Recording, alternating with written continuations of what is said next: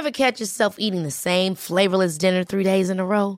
Dreaming of something better? Well, HelloFresh is your guilt-free dream come true, baby. It's me, Gigi Palmer. Let's wake up those taste buds with hot, juicy pecan-crusted chicken or garlic butter shrimp scampi. Mm. Hello Fresh. Stop dreaming of all the delicious possibilities and dig in at HelloFresh.com. Let's get this dinner party started. Here's a cool fact a crocodile can't stick out its tongue. Another cool fact you can get short term health insurance for a month or just under a year in some states. United Healthcare short term insurance plans are designed for people who are between jobs, coming off their parents' plan, or turning a side hustle into a full time gig. Underwritten by Golden Rule Insurance Company, they offer flexible, budget friendly coverage with access to a nationwide network of doctors and hospitals. Get more cool facts about United Healthcare short term plans at uh1.com. Even when we're on a budget, we still deserve nice things. Quince is a place to scoop up stunning high end goods for 50 to 80% less than similar brands. They have buttery soft cashmere sweaters starting at $50, luxurious Italian leather bags, and so much more. Plus, Quince only works with factories that use safe, ethical, and responsible manufacturing. Get the high-end goods you'll love without the high price tag with Quince. Go to quince.com/style for free shipping and 365-day returns. Tisdagen den 26 mars år 1991 var en väldigt speciell dag i Sydkorea. Det här var nämligen valdag och i princip hela befolkningen hade fått ledigt från jobb och skola för att kunna gå och rösta. Just det här datumet skulle också bli känt runt om i landet av en helt annan, betydligt mer tragisk anledning. För den här dagen så försvann fem unga pojkar spårlöst i närheten av berget Wayong, strax utanför staden Daegu. Till en början togs försvinnandet inte ens på allvar av varken polis eller media. Men efter ett par dagar spreds nyheten som en löpeld och det var allt folk pratade om. Sökandet fortsatte under flera år, men det skulle sedan dröja mer än ett decennium innan man slutligen hittade pojkarnas kvarlevor. Det fanns dock flera oförklarliga detaljer kring hur kropparna hittades och skicket de befann sig i, vilket gjorde att den här upptäckten ledde till betydligt fler frågor än svar.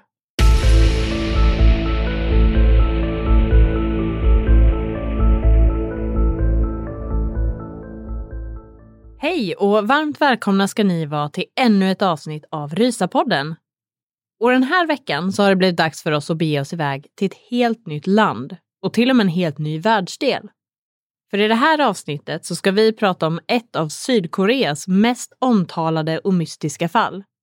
Nämligen försvinnandet av fem unga pojkar som ofta brukar kallas för The Frog Boys. Och vi kommer in lite senare på exakt hur det här lite udda smeknamnet faktiskt kom till. Ja, och vi hade faktiskt aldrig hört talas om det här fallet innan en av er lyssnare hörde av sig och tipsade oss om det här för ett tag sedan. Så stort tack säger vi därför till Samara för att du tog dig tiden att höra av dig och för att du upplyste oss om det här fallet. För det ska sägas att det här är ett väldigt märkligt fall och man skulle väl kunna säga att det är lite av en blandning av ett mysterium och ett mordfall. För det här fallet var ju olöst under väldigt många år innan man slutligen hittade kvarlevorna av de här fem pojkarna. Men däremot har man än idag, drygt 30 år senare, fortfarande inte lyckats hitta vem eller vilka som faktiskt låg bakom själva försvinnandet och de antagna morden. Nej, det är en hel del man fortfarande inte vet eller kan hitta någon rimlig förklaring till. Och innan vi drar igång med det här avsnittet så kan vi ju bara informera om att det har varit lite utmanande att hitta både engelskspråkiga och pålitliga källor kring det här fallet. Så av den anledningen så har vi utgått en hel del från information som kommer från tv-kanalen Channel News Asia, eller CNA. De har nämligen skrivit väldigt mycket om det här fallet och har dessutom skapat en otroligt välgjord och intressant dokumentär i två delar som vi kan rekommendera. Vi kommer däremot att nämna det här igen i slutet av avsnittet så ni inte hinner glömma bort namnet innan vi är klara. Men istället för att hänvisa till scener i flertalet gånger under avsnittet så väljer vi alltså redan nu att flagga för att mycket av informationen kommer just därifrån. Och en annan liten disclaimer som är värd att lägga in är faktumet att vi har extremt dålig koll på det koreanska språket och våra uttal kommer nog därför vara långt ifrån perfekta. Men eh, det får vi nog bara ta och leva med helt enkelt. Så med det sagt så tycker jag att vi tar och kör igång med den här veckans avsnitt och det omtalade och minst sagt förvirrande fallet kring The Frog Boys.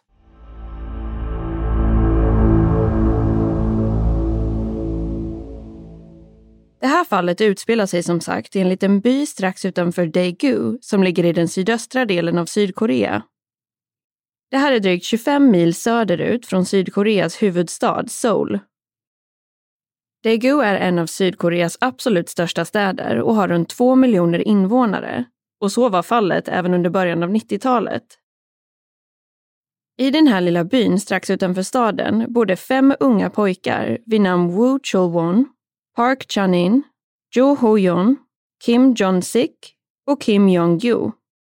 Och det här är alltså deras fullständiga namn, men utifrån det koreanska sättet att ange namn, vilket är med familjenamnet eller efternamnet först och tilltalsnamnet sist. Alla fem pojkarna var mellan 9 och 13 år gamla. Det ska dock sägas att åldrarna skiljer sig lite åt beroende på källa. Och det här är på grund av att man i Sydkorea använder sig av ett lite annat sätt för att räkna ut och ange en persons ålder. Så pojkarna hade därför en koreansk ålder och en internationell ålder. Men utifrån deras internationella ålder så var de 9, 10, 11, 12 och 13 år gamla vid tidpunkten för försvinnandet. De fem pojkarna bodde väldigt nära varandra i den lilla byn och deras hus låg precis intill varandras och formade som en cirkel. De gick alla i samma skola och brukade utöver det ofta mötas upp och leka bland risfälten som låg precis utanför husen. Flera av pojkarna var enda barnet och hade inga syskon. Så pojkarna hade utvecklat en väldigt nära relation och ett starkt band till varandra. En av pojkarnas pappa har uttalat sig om att gruppen i princip var som de fem musketörerna och att de hade en relation som nästan var närmare än bröder.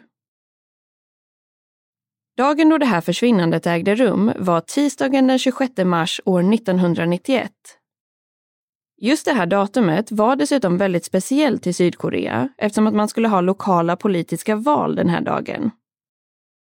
På grund av det här speciella tillfället så hade man också utnämnt det här till en helgdag och alla var därför lediga från både skola och jobb den här dagen. Under den här morgonen så var de fem pojkarna ute och lekte tillsammans som vanligt.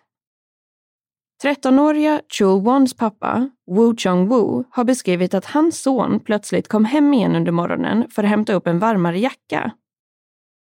Jong-Wu frågade då vart han skulle, men fick då inget egentligt svar tillbaka. Chul-won svarade helt enkelt bara att han skulle leka med de andra pojkarna utomhus. Och det här var ungefär runt klockan nio på morgonen. Flera timmar senare, runt klockan ett på eftermiddagen, så tog John Woo emot ett telefonsamtal från den lokala taekwondoklubben. Han blev då informerad om att Cho Won inte hade dykt upp på träningen som vanligt den här dagen. Jong Woo tyckte att det här kändes väldigt märkligt och inte alls likt hans son. Och han bestämde sig därför för att fråga de andra föräldrarna om deras söner hade dykt upp på träningen. Det visade sig då att de fyra andra pojkarna också verkade vara försvunna och inte hade setts till eller hört av sig sedan tidigare under morgonen.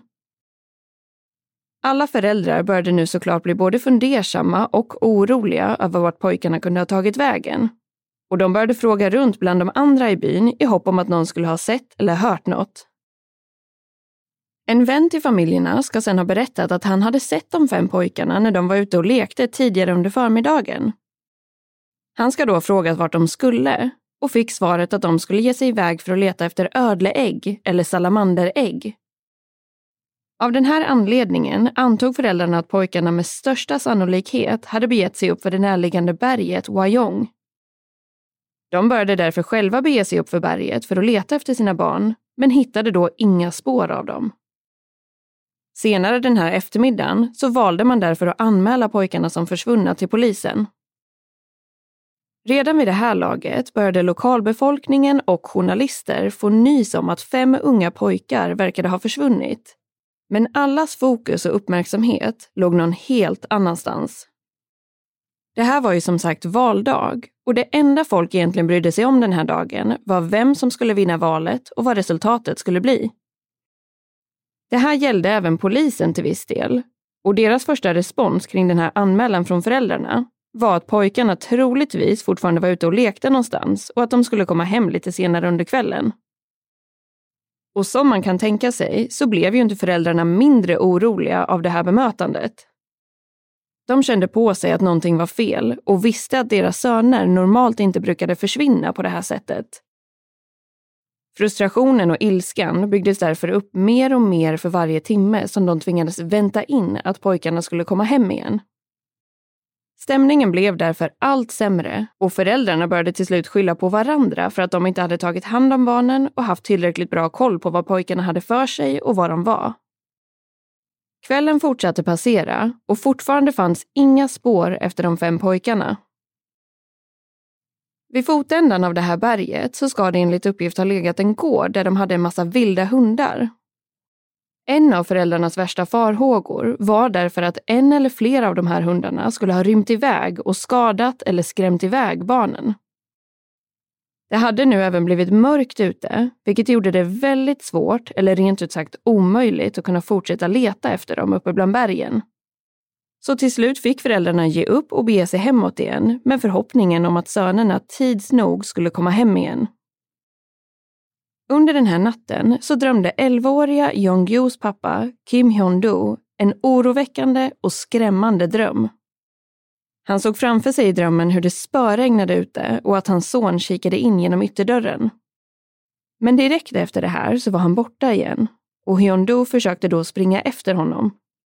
Han ropade och ropade efter honom men fick inget svar tillbaka och helt plötsligt var han borta för alltid. Det här skulle dock visa sig vara mer än en dröm eftersom ingen av föräldrarna någonsin skulle få återse sina söner vid liv igen. Dagarna fortsatte passera efter försvinnandet och polisen var fortfarande inte särskilt hjälpsam. De hade mer eller mindre redan bestämt sig för att pojkarna var så kallade runaways och att de helt enkelt hade gett sig iväg på eget bevåg. Och det här är ju någonting som har hänt i väldigt många fall som vi har tagit upp här i podden och som oftast bara innebär att utredningen halkar efter flera dagar eller längre innan det väl tas på allvar. Och så blev det ju tyvärr i det här fallet också. Den allra första tiden efter själva försvinnandet så var därför föräldrarna mer eller mindre ensamma i allt det här och i den desperata jakten på sina söner. Den 29 mars 1991, alltså tre dagar efter försvinnandet, så tog en av pojkarnas föräldrar emot ett telefonsamtal. På andra sidan luren förklarade en okänd man att han hade alla fem pojkarna hos sig han sa att alla mådde väldigt dåligt och att två av dem var i riktigt dåligt skick. Därefter sa mannen att de skulle möta upp honom i närheten av centralstationen i Daegu och att de skulle ta med sig en större summa pengar. I sitt desperata tillstånd kände föräldrarna inte att de hade något annat val än att följa de här instruktionerna och de begav sig därför till den här platsen i sällskap med polisen. Väl där väntade de i över en timme men inga spår av varken mannen i telefonen eller pojkarna syntes till. Som man kan föreställa sig så släcktes det lilla hopp som fanns i samband med det här och de fick återigen bege sig hemåt. Tomhänta och utan några som helst svar eller förklaringar. Och vi har försökt hitta information om den här mystiska mannen i telefonen och om man på något vis försökte eller lyckades spåra vart det här samtalet kom ifrån.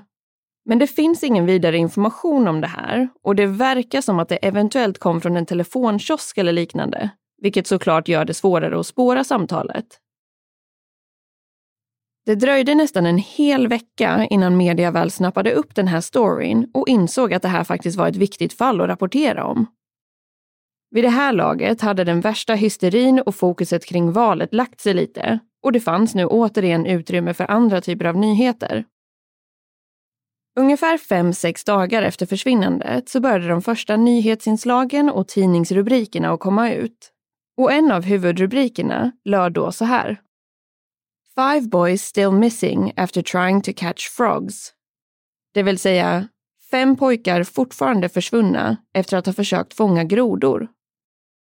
Det här stämde ju dock inte riktigt eftersom vittnet som pratat med pojkarna innan de försvann sagt att de skulle ge sig iväg för att leta efter salamanderägg.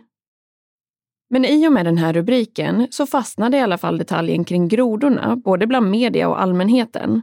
Och det är helt enkelt därför som de här pojkarna ofta kallas för just frogboys. Vid det här laget hade det här blivit en enorm nyhet, både lokalt men även ute i resten av landet. Det här var en väldigt chockerande nyhet eftersom det inte bara handlade om ett barn som försvunnit, utan om fem barn som hade försvunnit vid ett och samma tillfälle. I samband med alla skriverier och faktumet att alla nu pratade om det här tragiska försvinnandet så började även polisen ta utredningen på betydligt större allvar än vad de hade gjort tidigare. Ett par dagar senare, den 4 maj 1991, så valde några av föräldrarna att medverka i ett nyhetsprogram på tv som hette The Square of Public Opinions. Det här var en typ av livesändning som besöktes av bland annat media, poliser, studenter och andra personer som hade någon form av intresse kring det här fallet. På grund av att det här var ett nationellt tv-inslag så hade man såklart höga förhoppningar om att det här skulle leda till några konkreta spår eller ledtrådar kring vad som kunde ha hänt pojkarna. Det här var nämligen lite som i till exempel programmet Efterlyst där man under själva livesändningen kunde skicka in eller ringa in med olika tips och vittnesmål. När de medverkande föräldrarna blev intervjuade av programledaren så uttalade de sig om hur extremt missnöjda de kände sig med utredningen hittills och att de var besvikna på polisen. Bland annat visade de upp de flygbladen som delats ut av dem själva och versionen som delats ut via polisen. Det var då tydligt att polisen hade ändrat ordet missing till runaways vilket alltså indikerade att pojkarna skulle ha rymt iväg själva snarare än att de var saknade eller försvunna. Föräldrarna förklarade att de ville att polisen skulle ändra den här informationen och att det här tydde på att de ville stänga ner och avsluta det här fallet så snabbt som möjligt, snarare än att faktiskt starta upp en ordentlig utredning. Under den här livesändningen så kom det plötsligt in ett telefonsamtal från en person som påstod sig vara den yngsta av de försvunna pojkarna nioåriga Kim Jong-Sik. Operatören som tog emot samtalet sa att den här unga pojken grät och frågade efter sin mamma. Hon ska då ha sprungit fram till telefonen och hunnit höra tillräckligt mycket för att kunna bekräfta att hon trodde att det faktiskt var hennes son. Dessvärre blev dock samtalet avbrutet ganska så direkt och ingen ringde sen tillbaka igen. I samband med att det här telefonsamtalet kom in så ska alla personer på plats ha börjat applådera och ropa att barnen lever någonstans där ute. Alla tänkte att nu äntligen fanns det ett spår och att alla pojkarna förhoppningsvis skulle kunna hittas vid liv. Det visade sig dock ganska snart att det här bara var en busringning och att det bara var någon som ville jävlas med familjerna helt enkelt. Precis som det första samtalet som de tog emot från mannen som ville mötas upp på stationen så ledde det här ingen vart alls. Det enda resultatet blev istället ytterligare smärta för de fem familjerna.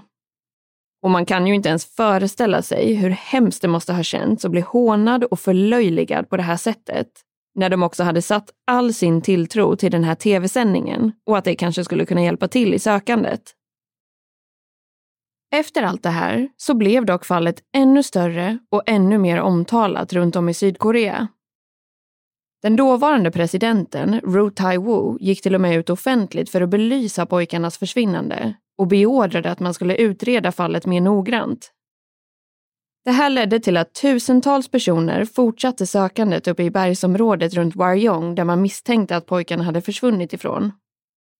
Man gick bland annat skallgång och stack ner pinnar i marken för att säkerställa att inget missades. Det här var ju dock främst volontärer, så polisen ska fortfarande inte ha varit överdrivet engagerade i sökandet. De fortsatte däremot med utredningen och följde upp alla spår och potentiella ledtrådar de kunde. Men vid det här laget hade mer än ett halvår hunnit passera och det fanns ju därför inte så många färska spår eller bevis att utgå ifrån längre. Vissa av föräldrarna har uttalat sig om att de tror att polisen bara gjorde saker för att det skulle se bra ut och för att de skulle kunna säga att de hade gjort det de kunnat. Men det ska fortfarande ha känts som att de inte brydde sig om varken föräldrarna eller pojkarna överhuvudtaget. Trots att hela det här bergsområdet genomsöktes i princip varje dag under ett års tid så hittades inga nya spår. Det ska inte heller ha varit speciellt högt gräs eller växtlighet i det här området, så om det låg något på marken så borde man rimligtvis ha kunnat se det. Och speciellt från alla de helikoptrarna som flögs över det här bergsområdet. Trots alla insatser så fanns det helt enkelt ingen rimlig teori kring vart de här fem pojkarna kunde ha tagit vägen. Det visade sig senare att en av pojkarnas kompisar tyckte sig ha hört ett pistolskott under samma dag som försvinnandet ägde rum. Det här skottet ska ha följts av ett högt skrik och därefter blev det helt tyst. Även om det inte var helt enkelt att bekräfta det här vittnesmålet så ledde det här till en ny teori i fallet. Och framför allt bland de fem familjerna. Det var nämligen så att det låg en militärbas i närheten av berget Warjong och där fanns det dessutom en skjutbana. Faktumet att det här vittnet hade hört ett skott i kombination med att det låg en skjutbana i närheten gjorde därför att familjerna började misstänka att det eventuellt kunde finnas någon koppling till militären. Polisen ska dock inte ha tagit det här tipset på särskilt stort allvar och det här vittnesmålet om ett skott följt av ett skrik utreddes därför aldrig vidare. Däremot ska dock polisen ha undersökt en mängd andra spår och de ska bland annat ha sökt igenom en massa fiskebåtar och delar av havet samt närliggande öar runt omkring Sydkorea. De ska till och med ha undersökt olika typer av religiösa organisationer. Men fler och fler rykten och spekulationer fortsatte dyka upp gällande just militären. Och många ansåg att det var märkligt att polisen inte utredde militären trots att flera saker pekade på att det kunde finnas en koppling där. Och om inte annat för att militärbasen låg så pass nära platsen där pojkarna ska ha försvunnit ifrån. Familjerna däremot vägrade ge upp och gjorde allt de kunde för att på egen hand hålla fallet vid liv och fortsätta sökandet efter sina försvunna barn. Alla fem papporna valde därför att säga upp sig från sina jobb för att helt och hållet kunna fokusera på själva sökandet. Tillsammans hyrde de en lastbil som de reste runt med i hela Sydkorea under en väldigt lång period. Den här lastbilen var dekorerad med bilder på de fem pojkarna och texter som uppmanade allmänheten att hjälpa familjerna hitta sina försvunna barn. De brukade sedan stanna till med lastbilen vid olika städer och centrala platser för att dela ut flygblad till personer som gick förbi. Det här var i princip det enda de kunde göra med tanke på att de inte fick speciellt mycket hjälp av polisen eller andra typer av experter. Det här verkade dock inte leda någon vart heller och under den här resan började deras fysiska och psykiska hälsa att försämras allt mer. Vissa av papporna började dricka väldigt mycket alkohol för att försöka förtränga allt som hänt. Andra drabbades av sömnproblem och blev beroende av sömnpiller. En av papporna har också uttalat sig om att han inte längre såg någon mening med livet. Men trots allt det här så fortsatte de att kämpa på med sin lastbilsturné. Längs med vägen fick de kontakt med en man som heter Naju Bong som idag är ordförande på National Organization of Finding Missing Children and Family. Han noterade hur mycket de här stackars männen och familjerna led och valde därför att hjälpa till i sökandet och med den här så kallade turnén. De stannade som sagt till med lastbilen på olika platser för att informera allmänheten om försvinnandet och för att prata med media och journalister längs med vägen. Vid flera av de här tillfällena så började de däremot märka att det var fler personer än media som verkade ha ett intresse för att notera vad som sades under de här mötena. Nämligen ett antal okända män som började dyka upp mer regelbundet i samband med att papporna skulle prata med media. De ska då ha frågat männen vilken tidning de skrev för och vart de jobbade Däremot ska de inte ha fått speciellt mycket information tillbaka. Och det ska senare ha visat sig att i alla fall en av de här suspekta personerna var från en så kallad intelligence agency, så alltså någon form av underrättelsetjänst. De fem papporna blev sedan mer eller mindre förföljda av de här personerna under en tid och vid något tillfälle ska de även ha besökt familjernas bostäder. Männen ska enligt uppgift ha påstått att de bara försökte skydda familjerna men de ska snarare ha känt sig hotade och som att det lades massa onödig energi på att skugga föräldrarna snarare än att faktiskt leta efter pojkarna. Vid det här laget hade drygt tre år passerat sedan pojkarnas försvinnande. Hela den här lastbilsturnén hade kostat familjerna otroligt mycket pengar och samtliga fem hushåll hade nu enorma skulder som de behövde beta av. Intresset från media hade nu också svalnat ordentligt och tidningarna vägrade att publicera något mer om fallet eftersom att det inte hade funnits några uppdateringar på så pass länge. Allmänheten utgick mer eller mindre ifrån att polisen hade gjort allt de kunnat och att det helt enkelt inte fanns tillräckligt med bevis för att utreda fallet vidare. Med tanke på alla de här faktorerna så gick de fem papporna därför ut offentligt med att de nu skulle avsluta sökandet och istället gå tillbaka till sina jobb. De hade ju trots allt fortfarande sina fruar hemma och vissa av dem hade dessutom andra barn som de behövde ta hand om. Så familjerna försökte så gott de kunde gå vidare med sina liv och sin vardag, trots att allt nu hade förändrats och livet var långt ifrån detsamma som innan. Ungefär vid den här tidpunkten blev samtliga föräldrar kontaktade av militären som bad dem att komma över till militärbasen under nattetid och utan polisen. Det här var såklart en ganska märklig förfrågan, men föräldrarna tänkte ändå att det kunde vara värt ett försök. De begav sig därför dit under natten när det var mörkt och blev då insläppta av en officer och leddes in till ett stort tält på området där fler soldater väntade. En av soldaterna sa sen att han skulle ge föräldrarna supernaturliga krafter och att den utvalda av dem då skulle kunna leda vägen och guida dem till platsen där barnen fanns. Han ska sedan ha tryckt med händerna på båda sidorna av allas ansikten och det här gjorde då ingenting alls. Men när han gjorde den här så kallade ritualen på en av pojkarnas mamma ska hon däremot ha blivit extremt påverkad av det här och blev nästan som personlighetsförändrad. Hon var normalt väldigt samlad och tystlåten men började helt plötsligt prata både högt och okontrollerat. Hon ropade sen att alla skulle följa efter henne upp för berget och att hon visste var barnen fanns. När alla andra föräldrarna och soldaterna väl kom till platsen visade det sig däremot att det inte alls stämde och inga spår av barnen syntes till. Och från en utomståendes perspektiv så kan man ju kanske tänka att det här var en extremt konstig sak att ens gå med på och att det känns ganska självklart att det inte skulle leda till någonting. Men som en förälder som förlorat sitt barn så kan man ju också förstå att de var villiga att testa allt, även om de var lite skeptiska. Så hela den här händelsen är ju såklart väldigt märklig. Och framförallt faktumet att det var militären som låg bakom allting. Och egentligen finns det ingenting mer att säga om det här, men man börjar ju verkligen fundera över vad syftet var med att släpa dit alla föräldrarna mitt i natten. Ville de här soldaterna verkligen hjälpa till och trodde att det här var en potentiell lösning? Det är som sagt högst oklart.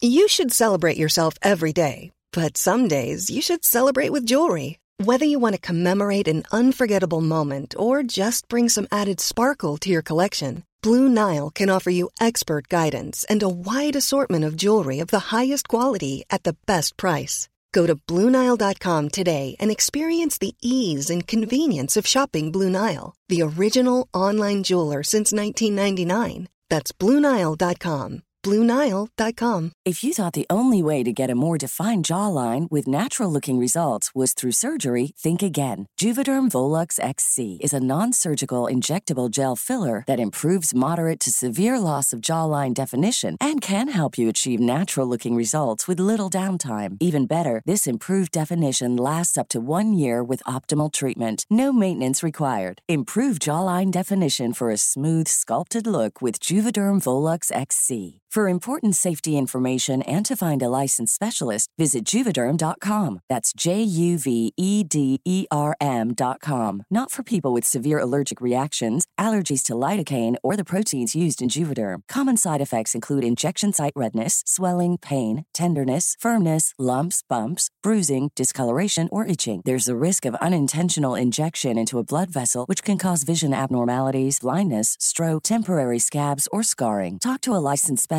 to find out if it's right for you. Quality sleep is essential. That's why the Sleep Number Smart Bed is designed for your ever evolving sleep needs. Need a bed that's firmer or softer on either side? helps you sleep at a comfortable temperature? Sleep Number smart beds let you individualize your comfort so you sleep better together. JD Power ranks Sleep Number number 1 in customer satisfaction with mattresses purchased in-store. And now, save 50% on the Sleep Number limited edition smart bed for a limited time. For JD Power 2023 award information, visit jdpower.com/awards. Only at a Sleep Number store or sleepnumber.com.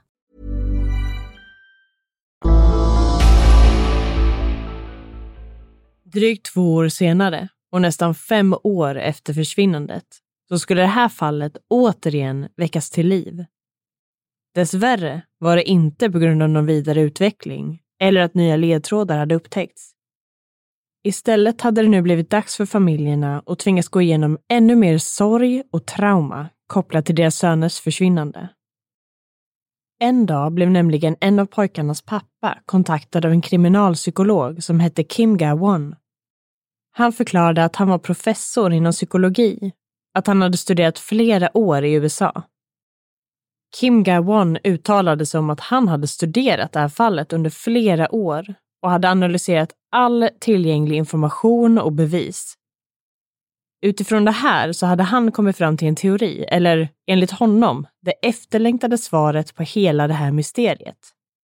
Nämligen att en av de försvunna pojkarnas pappa låg bakom försvinnandet och att han skulle ha begravt alla barnen under familjens hus. Det här var nioåriga Kim Jong-Siks pappa, Kim Chol-gyo. Och själva grunden till den här minst sagt chockerande anklagelsen var faktumet att han inte hade ett alibi eller kunde styrka vart han befann sig under de tre första timmarna efter försvinnandet. De andra föräldrarna sa direkt att det här var en helt galen anklagelse och att det inte fanns någon möjlighet att han dels skulle ha valt att mörda sitt eget barn och att han sen skulle välja att begrava alla barnen under sitt eget hus.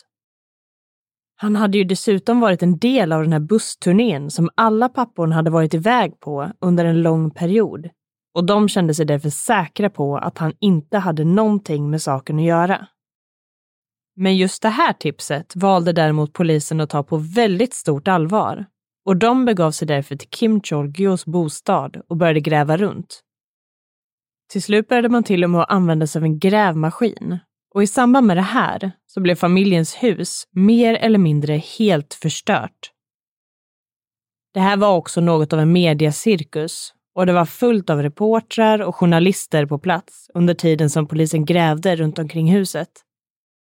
Även nyfikna grannar och personer från området började flockas runt polistejpen som avgränsade själva området kring bostaden. Det var som att folk var så desperata efter att få fram svar att de inte ens reflekterade över hur han ens skulle ha hunnit genomföra en sån här typ av handling och göra sig av med alla spår och begrava pojken under huset på bara tre timmar. Det fanns helt enkelt ingen logik i den här anklagelsen, utöver att den här kriminalpsykologen, Kim Ga-won, påstod sig veta att det var så det gick till. Som väntat så hittades ingenting som tydde på att pappan skulle haft någonting att göra med försvinnandet, eller att pojkarna låg eller någonsin hade legat begravda under familjens hus. Det enda det här resulterade i var alltså ytterligare smärta för familjerna och att deras bostad blev helt förstörd. I samma ögonblick som den här kriminalpsykologen insåg att han hade haft fel så ska han ha börjat springa därifrån. Folkmassorna ska då ha blivit rasande och börjat springa efter honom. Till slut blev stämningen så pass hotfull att han fick lov att söka skydd inne på den lokala polisstationen. Det här var såklart en fruktansvärd tid för alla familjerna, men framförallt för Kim Chol-gyo som blev felaktigt anklagad för att ha varit involverad i sin egen sons försvinnande och eventuella död. Drygt fem år efter den här incidenten så avled han till följd av levercancer. Han var då bara i 40-årsåldern och hans fru blev därmed ensam kvar i familjen efter att ha förlorat sin son och enda barn och nu även sin make. De andra familjerna är än idag övertygade om att han blev så pass sjuk och aldrig lyckades återhämta sig ordentligt på grund av all känslomässig stress kopplat till pojkarnas försvinnande. Ungefär ett år senare så inträffade en avgörande händelse i det här fallet Det här var den 26 september 2002, det vill säga exakt på dagen 11 år och 6 månader efter att de fem pojkarna försvann. Just den här dagen så var två män ute och promenerade och letade efter ekollon runt omkring berget Wyong. Det vill säga samma berg som låg precis intill byn där pojkarna bodde och misstänktes ha försvunnit ifrån. Helt plötsligt så fick de syn på gamla kläder och skor på marken inne i skogen. De valde då att kontakta polisen som skyndade dit på en gång. Det dröjde sedan inte speciellt länge innan man hade grävt upp totalt fem skelett. Och ganska direkt började man misstänka att det här var kvarlevorna av de fem försvunna pojkarna. Det här baserades initialt på faktumet att kläderna och skorna matchade det som pojkarna hade haft på sig under dagen de försvann. Man hittade också en tandställning i ett av skelettens kranium, vilket matchade med 12-åriga Joe Horjon. Platsen där kropparna hittades låg bara ett par kilometer från deras bostäder och bara cirka 100 meter från marknivå och gatorna nere vid byn. Nyheten om den här upptäckten spred sig som en löpeld och innan föräldrarna själva ens hade hunnit till platsen så var det fullt av journalister och andra personer från området som var nyfikna på vad som hände och vad man hade hittat. När föräldrarna väl kom till platsen så blev de såklart helt förstörda över att det nu var bekräftat att deras älskade söner inte längre var vid liv. De insåg att deras eviga sökande hade varit förgäves och att allt hopp nu var borta. Vid den här tidpunkten i Sydkorea så fanns det inga speciella regler eller lagar om att experter eller specialister skulle ansvara för att gräva upp kroppar vid en sån här typ av brottsplats. Så med tanke på att polisen var först på plats så började de gräva upp allt de kunde hitta ganska så direkt. Med tanke på att de inte hade någon erfarenhet inom det här området så började de att samla ihop de olika skelettdelarna utifrån storlek. Alla långa ben, som exempelvis lårben, lades i en hög, medan alla kranium samlades ihop i en annan hög. Det korrekta sättet hade ju istället varit att försöka gräva ut och sammanställa en kropp i taget med alla tillhörande ben, snarare än att blanda ihop allting i olika högar. Och det här var bara ett av flera olika misstag som begicks under de första timmarna efter att kropparna hittades. En annan detalj som polisen har fått otroligt mycket kritik för är faktumet att de inte ens la upp de uppgrävda benen på en ren och klinisk yta.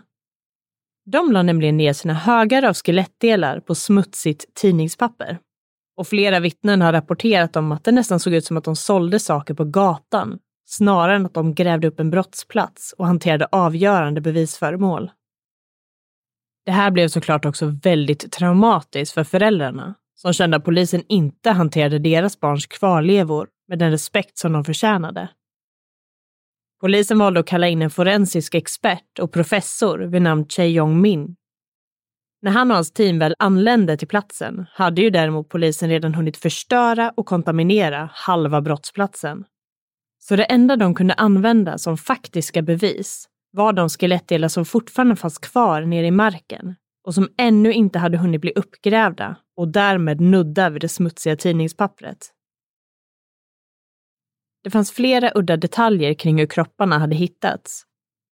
Enligt uppgift så ska nämligen alla fem kroppar ha varit vad som beskrivs som tangled together. Alltså att de omfamnade eller satt fast i varandra på något vis.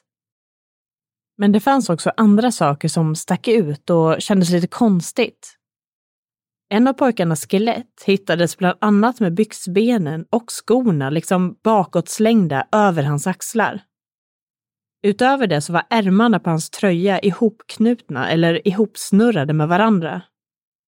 Det här var kroppen tillhörande 11-åriga Jonggyo. Hans föräldrar valde sedan att knyta upp tröjan eftersom att de ville kontrollera om emblemet från hans skola fanns där. I samband med att hans pappa knöt upp den här knuten så ramlade det ut en oanvänd vapenkula. Man hittade senare flera andra oanvända vapenkulor och kulhylsor i hans kläder och till och med i hans underkläder. De här fynden gjorde ju såklart att det började kännas mer och mer troligt att någon form av brott hade begåtts och att pojkarna eventuellt hade blivit ihjälskjutna. Dagen efter att kropparna hittades, alltså den 27 september 2002, så uttalade sig polischefen till media om att pojkarna med största sannolikhet hade dött av hypotermi. Det vill säga att de skulle ha frusit ihjäl uppe på berget. Det här ifrågasattes av flera reportrar eftersom att det kändes ganska uppenbart att kropparna på ett eller annat sätt hade blivit begravda nere i marken och faktumet att man nu hade hittat flera vapenkulor. Polisen förklarade sig dock med att säga att pojkarna troligtvis hade hittats så tätt intill eller ihopslingrade med varandra eftersom att de hade försökt hålla värmen innan de dog. Han sa också att det hade varit runt tre plusgrader ute den dagen de försvann, men att när det regnar och blåser uppe på berget så kan det sänka temperaturen och bli betydligt kallare än så. I samband med det här uttalandet så valde några personer från en organisation som heter Korea Alpine Federation att bege sig till platsen för att undersöka om det här verkligen kunde stämma. De var nämligen experter inom just bergsområden och brukade ofta kallas in för att hjälpa till vid olyckor och andra nödsituationer. En av de ansvariga i det här teamet kunde då ganska så direkt konstatera att pojkarna omöjligt kunde ha dött av hypotermi. Som vi var inne på tidigare så var ju platsen där kropparna hittades bara runt 100 meter från gatorna nere vid byn. Om pojkarna hade börjat frysa när de befann sig där uppe så skulle det bara tagit dem ett par minuter att springa hem igen. Det fanns med andra ord ingenting som talade för att det som polischefen hade sagt faktiskt skulle stämma. Utöver det så uttalade han sig ju bara dagen efter att man hade hittat kropparna och innan man ens hade hunnit undersöka allting ordentligt. Så återigen så var det här ännu ett pinsamt agerande från polisens sida och de tog senare tillbaka det här uttalandet. Samtliga experter var överens om att de här fem pojkarna troligtvis inte hade dött av naturliga orsaker, utan att de hade blivit mördade och begravda uppe på berget. Den forensiska experten som kallades in, Chei Yong Min, har beskrivit att det finns tydliga tecken på att pojkarna inte dog av naturliga orsaker, som exempelvis hypotermi. Ett av de starkaste bevisen för det här är det enligt honom att när en person dör av naturliga orsaker så hittas skelettdelarna ovanpå marken. Då brukar även kroppen förmultna snabbare och vilda djur brukar komma och riva sönder olika delar av kroppen. Det här i sin tur gör ju att de olika skelettdelarna blir separerade och därför inte brukar hittas tillsammans. Men i det här fallet så hittades ju samtliga fem kroppars skelettdelar tillsammans. Och det var dessutom extremt tydligt att någon medvetet hade valt att begrava pojkarna där. Med tanke på att man hade hittat vapenkulor bland pojkarnas kläder så fortsatte spekulationerna kring vad som kunde ha hänt och om de faktiskt kunde ha blivit mördade. Det fanns ju redan innan vissa misstankar om att militären skulle haft någonting att göra med pojkarnas försvinnande. Och nu fanns det ännu mer som pekade på att det skulle ha kunnat vara så. Det visade sig nämligen att just de kulorna som hittades bland kvarlevorna faktiskt kunde härledas till militärens skjutbana. Och den här skjutbanan låg som sagt precis i närheten av det här berget och platsen där kropparna hittades. Och med precis i närheten menas alltså ett par hundra meter. Militären kallade senare till en presskonferens där de bekräftade att de oanvända vapenkulorna kom från deras skjutbana. Däremot uttalade de sig också om att det var omöjligt att deras personal på något vis skulle ha kunnat vara inblandade. Dagen då pojkarna försvann var ju nämligen en helgdag på grund av valet och alla deras anställda var därför lediga precis som alla andra. Det visade sig dock senare att vissa av deras mer erfarna soldater hade möjligheten att besöka militärbasen när de ville för att öva på sitt skjutande, även om det var stängt och alla andra var lediga. Det finns också uppgifter om att en soldat hade befunnit sig på skjutbanan den här dagen för att skjuta upp en mängd ammunition som hade blivit över Enligt uppgift så ska man än idag inte ha gått ut med den här personens identitet och utifrån vad vi kan hitta så verkar polisen knappt ha utrett den här detaljen vidare. Det forensiska teamet som kallades in kunde som sagt endast använda de skelettdelar som de själva hade grävt upp som faktiska bevismaterial. Däremot så undersökte de fortfarande de skelettdelar som polisen hade grävt upp innan de kom dit. Och framförallt så kikade de närmre på pojkarnas kranium. Det visade sig då att en av pojkarna hade två hål på vardera sida av huvudet. Spontant så kunde man ju då tänka sig att det här passade in väldigt väl med teorin om att pojkarna, eller åtminstone en av dem, skulle ha blivit skjutna. Den forensiska experten, Chai Yong Min, har dock beskrivit att inget av de här hålen såg ut som typiska skottskador och är därför väldigt säker på att de här skadorna inte orsakades av ett skjutvapen. Däremot hittade det forensiska teamet några andra intressanta skador på några av pojkarnas kranium. De här skadorna har beskrivits som markanta skärsår eller som små skarpa jack på ytan av skelettet. Polisens initiala uppfattning kring de här jacken var att det på något vis skulle ha hänt efter pojkarnas död. Det är dock högst oklart vad som skulle ha kunnat orsaka den här typen av skador i efterhand. Cha Yong-min var dock inte lika övertygad om det här och valde att skicka bilder på pojkarnas kranium till en expert i USA för att få ett utlåtande kring skadorna. Ganska direkt så fick han ett svar tillbaka och experten ska då ha sagt att hon var övertygad om att de här skadorna inträffade innan pojkarnas död och att de hade orsakats av en människa med hjälp av någon form av redskap. Det forensiska teamet fastslog senare att den mest sannolika dödsorsaken för samtliga fem pojkar var någon form av trubbigt våld mot huvudet. Det de däremot inte kunde veta var exakt vilken typ av vapen det kan ha handlat om och vem eller vilka som kunde ha legat bakom morden. En annan oförklarlig detalj i det här fallet är hur det kan komma sig att pojkarna befann sig så pass nära sina egna hem och byn men att ingen påstår sig ha sett eller hört någonting konstigt den här dagen. Det vill säga förutom den pojken som tyckte sig ha hört ett skott följt av ett skrik. Det här var ju trots allt pojkar i åldrarna 9 till 13 och vid den åldern så brukade man ju absolut kunna slåss och skrika och springa om man kände sig hotad eller rädd.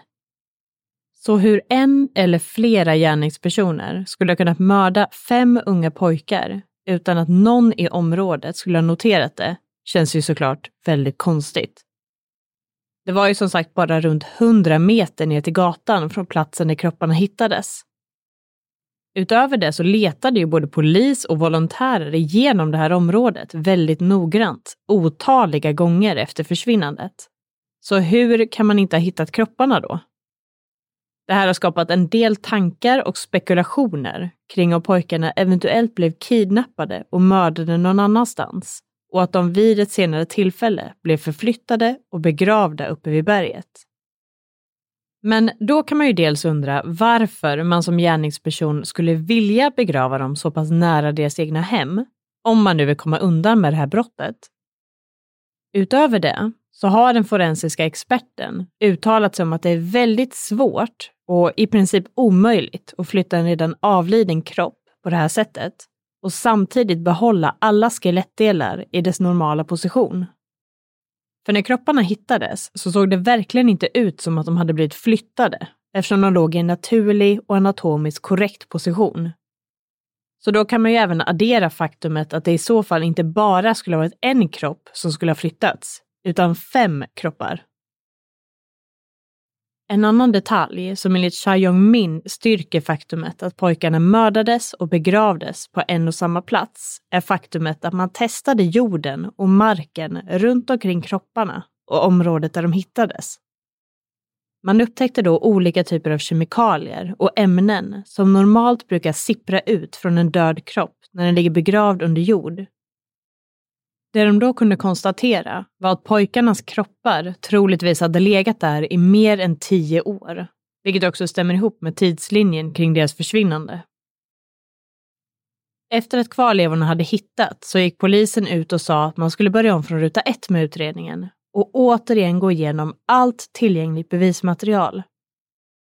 Det här blev tyvärr mer snack än verkstad och man gav upp ganska snabbt igen med förklaringen att fallet var så pass gammalt att det inte längre gick att få fram några nya ledtrådar eller bevis för att komma framåt med utredningen. Den 26 mars 2004, drygt två år efter att kvarlevorna hittades och 13 år sedan försvinnandet, så bestämde sig familjerna för att det var dags att ge sina söner den begravning som de förtjänade. Det här blev en otroligt vacker tillställning och föräldrarna valde sedan att sprida ut pojkarnas aska längs med en närliggande flod som tids nog skulle låta dem flyta iväg ut i Stilla havet. Familjerna anlitade senare en advokat vid namn Kanji Won för att stämma polisen för deras hantering av det här fallet och av utredningen. Bland annat för att de förstörde mängder av bevis vid brottsplatsen i samband med att kropparna hittades uppe på berget. Tre olika rättegångar genomfördes, men man lyckades dessvärre inte vinna någon av dem. Både advokaten och föräldrarna är dock övertygade om att det ligger mer bakom det här fallet än vad man idag vet om. En stark teori, även bland allmänheten, är att någon inom militären ska ha råkat skjuta ihjäl en av pojkarna och därefter dödat och begravt resten av dem för att dölja olyckan. Det ska dock sägas att det finns saker som talar emot den här teorin också. Bland annat så känns det ju ganska märkligt att militären inte skulle ha kunnat göra sig av med kropparna på ett betydligt säkrare och mer effektivt sätt än att begrava dem ett par hundra meter från deras egen skjutbana. Det finns bland annat uppgifter om att det fanns en förbränningsugn inne på militärbasen. Så det skulle ju till exempel ha kunnat vara ett bättre och säkrare alternativ om de ville komma undan med det. Men en sak är i alla fall säker och det är att polisen inte alls har utrett och undersökt militären tillräckligt noggrant i det här fallet. Och om de har det så finns det i alla fall inga vidare uppgifter om att det skulle ha ägt rum. Många tror därför att det här handlar om någon form av konspiration eller rent av politisk hierarki. Och att polisen helt enkelt inte kunde, ville eller vågade utreda militären i mer detalj för deras eventuella inblandning i det här fallet. Idag har mer än 30 år passerat sedan försvinnandet av de fem pojkarna som tilldelades smeknamnet The Frog Boys. Man har fortfarande aldrig kunnat lista ut exakt vad det var som hände den där dagen i mars 1991 och vem eller vilka som faktiskt låg bakom försvinnandet och morden. Förr i tiden så var preskriberingstiden för mord 15 år i Sydkorea. År 2015 så bestämde man däremot att man skulle ta bort preskriberingstiden helt och hållet för den här typen av grövre brott. Det här innebär rent krast att man fortfarande skulle kunna öppna upp det här fallet och åtala den eller de skyldiga om ytterligare bevis mot förmodan skulle dyka upp. Föräldrarna har också uttalat sig om att polisen idag har en helt annan attityd och lyhördhet än vad de tidigare hade och att de själva aldrig någonsin kommer sluta söka efter svaren kring vad som faktiskt hände deras söner. I den här dokumentären som vi nämnde i introt och kommer nämna igen här efteråt så läser 13-åriga Wu Chul-wons pappa upp ett uttalande som han skrev till sin egen son och de fyra andra pojkarna. Och jag tänker därför att det kunde vara passande att runda av det här avsnittet med just det här citatet. Våra underbara söner, vi saknar er så otroligt mycket. Det sägs att när ens föräldrar dör så begraver man dem i marken men när ens barn dör så begraver man dem i sitt hjärta. Jag trodde att jag skulle kunna glömma bort dig efter att ha sett dig bli till aska. Men sanningen är att jag saknar dig mer och mer för varje dag.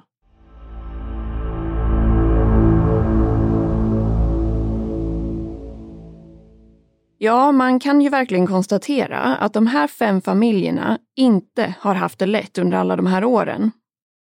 Och det är ju framförallt helt ofattbart att de inte fick bättre stöd av polisen i samband med själva försvinnandet och att de mer ordentliga sökinsatserna inte ens kom igång förrän flera månader senare. För i normala fall så borde man ju ha satt igång med både skallgång och helikoptrar och egentligen allt man kunnat. I princip samma dag, eller i alla fall dagen efter att de försvann.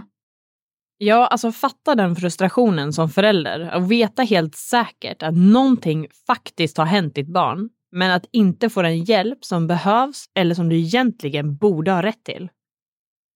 Sen var det ju såklart massa annat som gjorde föräldrarnas liv ännu värre under de kommande åren. Så man lider ju otroligt mycket med dem på grund av allt det som de har tvingats gå igenom, utöver sorgen och förlora sina barn. Och det här blir väldigt påtagligt i den här dokumentären som vi nämnde tidigare i introt. För då medverkar nämligen vissa av föräldrarna och pratar om relationer till sina söner och sina egna upplevelser och minnen av vad som hände.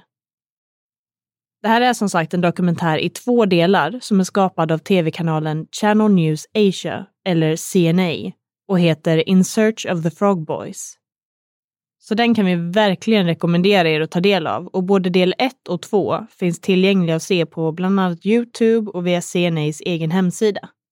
Ja, och utöver föräldrarna så medverkar ju också några av de andra personerna som vi har nämnt under avsnittets gång. Som exempelvis deras advokat och den forensiska experten som var med och undersökte pojkarnas kvarlevor.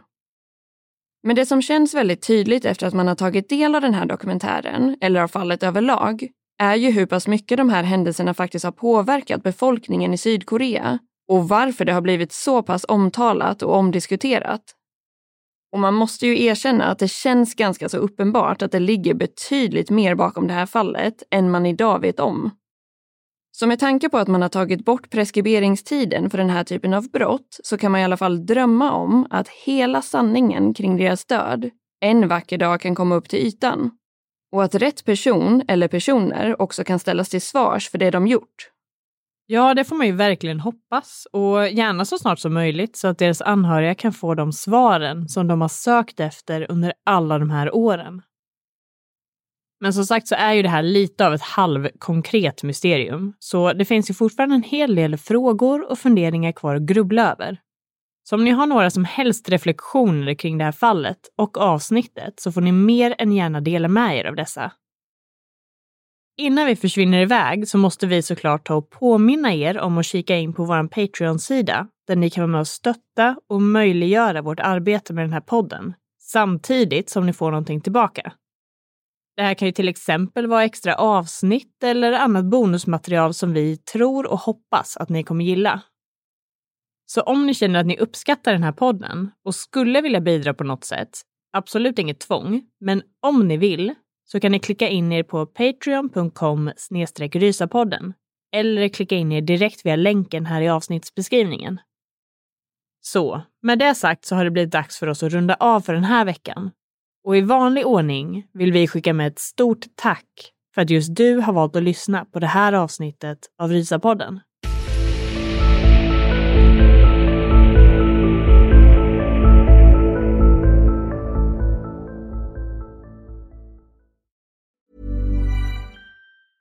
The biggest names in tennis are coming to Paris for the most anticipated Roland Garros in years. Tennis Channel Plus is your place to watch. Stream every court from your phone or smart TV live in HD Experience three weeks of unparalleled tournament access as the world's top players in tennis face off against each other. Will the veteran champions continue their dominance, or will a fresh face emerge to challenge their legacy on the clay courts? Daily live coverage of this epic showdown begins Monday, May 20th. Don't miss a matchup. Stream it now with Tennis Channel Plus to be there when it happens. Hey, it's Danny Pellegrino from Everything Iconic.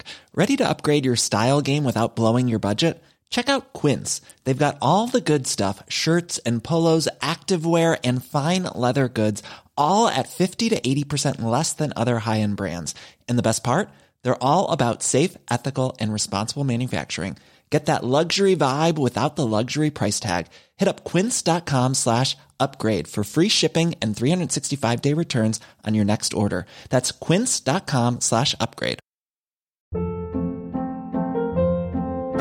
Hold up. What was that? Boring. No flavor. That was as bad as those leftovers you ate all week. Kiki Palmer here, and it's time to say hello to something fresh and guilt-free. Hello Fresh. Jazz up dinner with pecan-crusted chicken or garlic butter shrimp scampi. Now that's music to my mouth. Hello Fresh. Let's get this dinner party started. Discover all the delicious possibilities at hellofresh.com.